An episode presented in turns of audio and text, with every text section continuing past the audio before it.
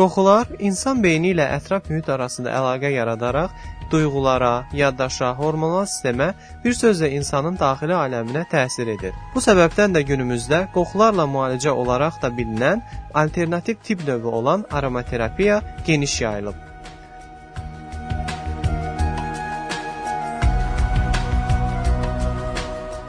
Aromaterapiyanın kökləri çox qədimlərə gedib çıxır.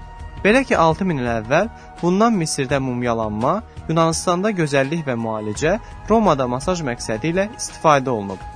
Qədim Çində isə Tanrıya olan təşəkkürün bir ifadəsi kimi yararlanıblar.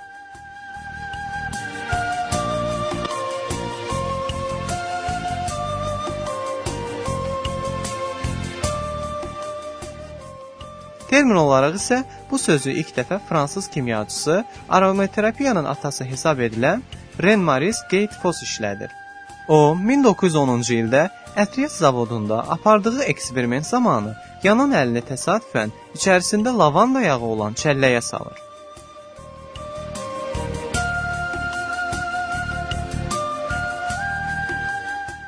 Bir müddət sonra əlinin lavanda yağı ilə möcüzəvi şəkildə sağalması onun efir yağlarına olan marağının artmasına səbəb olur.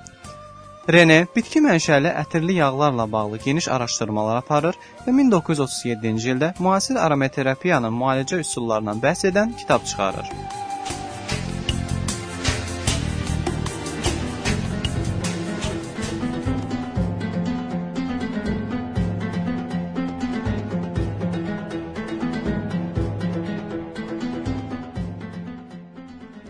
Aromaterapiya prosesini həyata keçirmək üçün müxtəlif efir yağlarından istifadə edilir.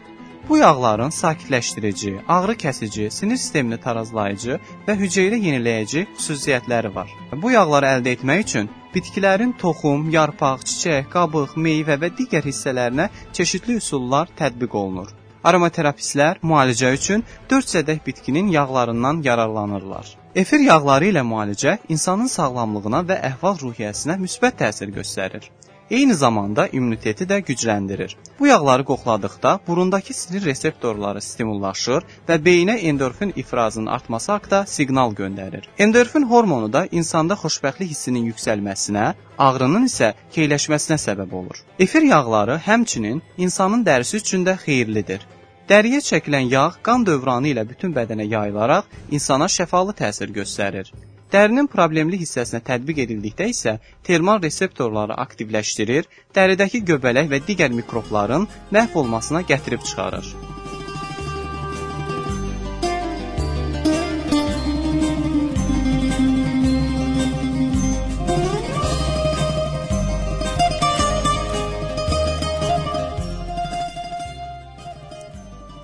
Araşdırmalar göstərir ki, ilk kefir yağları bizim eradan 7000 il əvvəl neolit dövründə yaşamış ibtidai insanlar tərəfindən əldə olunub. Belə ki, onlar ovladıqları heyvanların piyini müxtəlif mənşəli bitkilərlə qarışdırıb ocaqda bişirirlər. Bu zaman bitkilərin şəfalı və aromatik tərkibi piyə hopur və nəticədə onlar xoş ətirli məhlul əldə edirlər.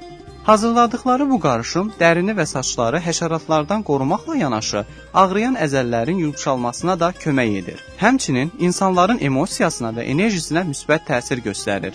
Heyvan piyindən hazırlanan aromatik yağlar indi də masaj və bədən losyonlarında istifadə olunan yağların əsasını təşkil edir.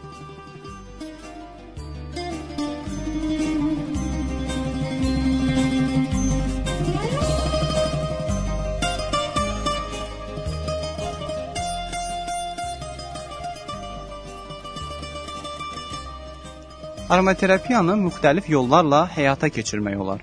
Bunlardan efir yağları ilə masaj və tənəffüs yolu ilə müalicə üsulları geniş yayılıb. Həmçinin isti suyun içərisinə bir dəsmal və ya balışa bir neçə damcı efir yağı tökməklə də bu müalicəni həyata keçirmək olar. Effektiv yayılmış üsullardan biri də vanna qəbul edilən suya bir neçə damcı efir yağının qatılmasıdır. Aromaterapik şamlar və ətirli tüstülərlə də müalicə etmək mümkündür.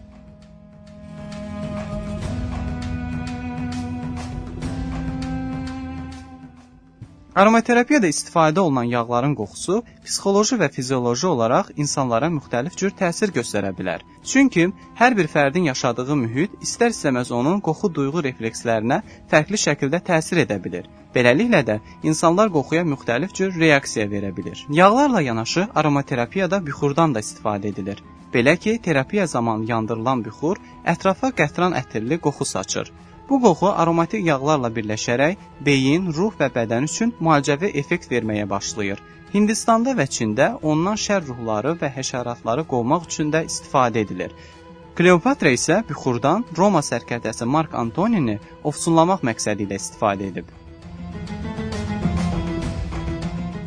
Aromaterapiyadan daha çox həzm, yuxusuzluq, baş ağrıları, stress kimi problemləri olan insanlar yararlana bilərlər asma, ekzema, epilepsiya və yüksək qan təzyiqi kimi xəstəlikləri olanlar isə bu müalicə növündən istifadə zamanı diqqətli olmalıdır.